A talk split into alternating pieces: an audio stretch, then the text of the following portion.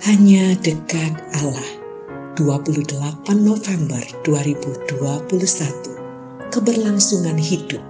Ayub 39 ayat 4 sampai 7. Apakah engkau mengetahui waktunya kambing gunung beranak? Atau mengamat-amati rusa waktu sakit beranak? Dapatkah engkau menghitung berapa lamanya sampai genap bulannya dan mengetahui waktunya beranak? Dengan membungkukkan diri mereka melahirkan anak-anaknya dan mengeluarkan isi kandungannya. Anak-anaknya menjadi kuat dan besar di padang. Mereka pergi dan tidak kembali lagi kepada induknya. Allah berbicara soal keberlangsungan suatu makhluk. Dengan sengaja Allah mempertanyakan apakah Ayub memahami kehidupan kambing gunung dan rusa Jawabannya bisa saja Ayub mengetahui.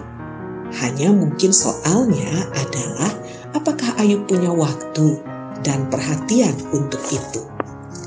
Ya, manusia pasti telah sibuk dengan kehidupan seseharinya, sehingga tak ada waktu untuk memikirkan peri kehidupan hewan liar. Akan tetapi, di sinilah menariknya. Allah selalu punya waktu untuk ciptaannya dia tidak sekadar mencipta, namun juga memelihara ciptaannya. Tak cuma memberi makan, tetapi juga memelihara keberlangsungan jenisnya. Pada titik ini, kita harus jujur, manusia terkadang lupa dengan sifat lestari dari keanekaragaman hayati. Bisa dipahami juga jika banyak hewan dan tumbuhan yang telah punah. Nah, berkait dengan kepunahan keanekaragaman hayati itu, manusialah terdakwanya.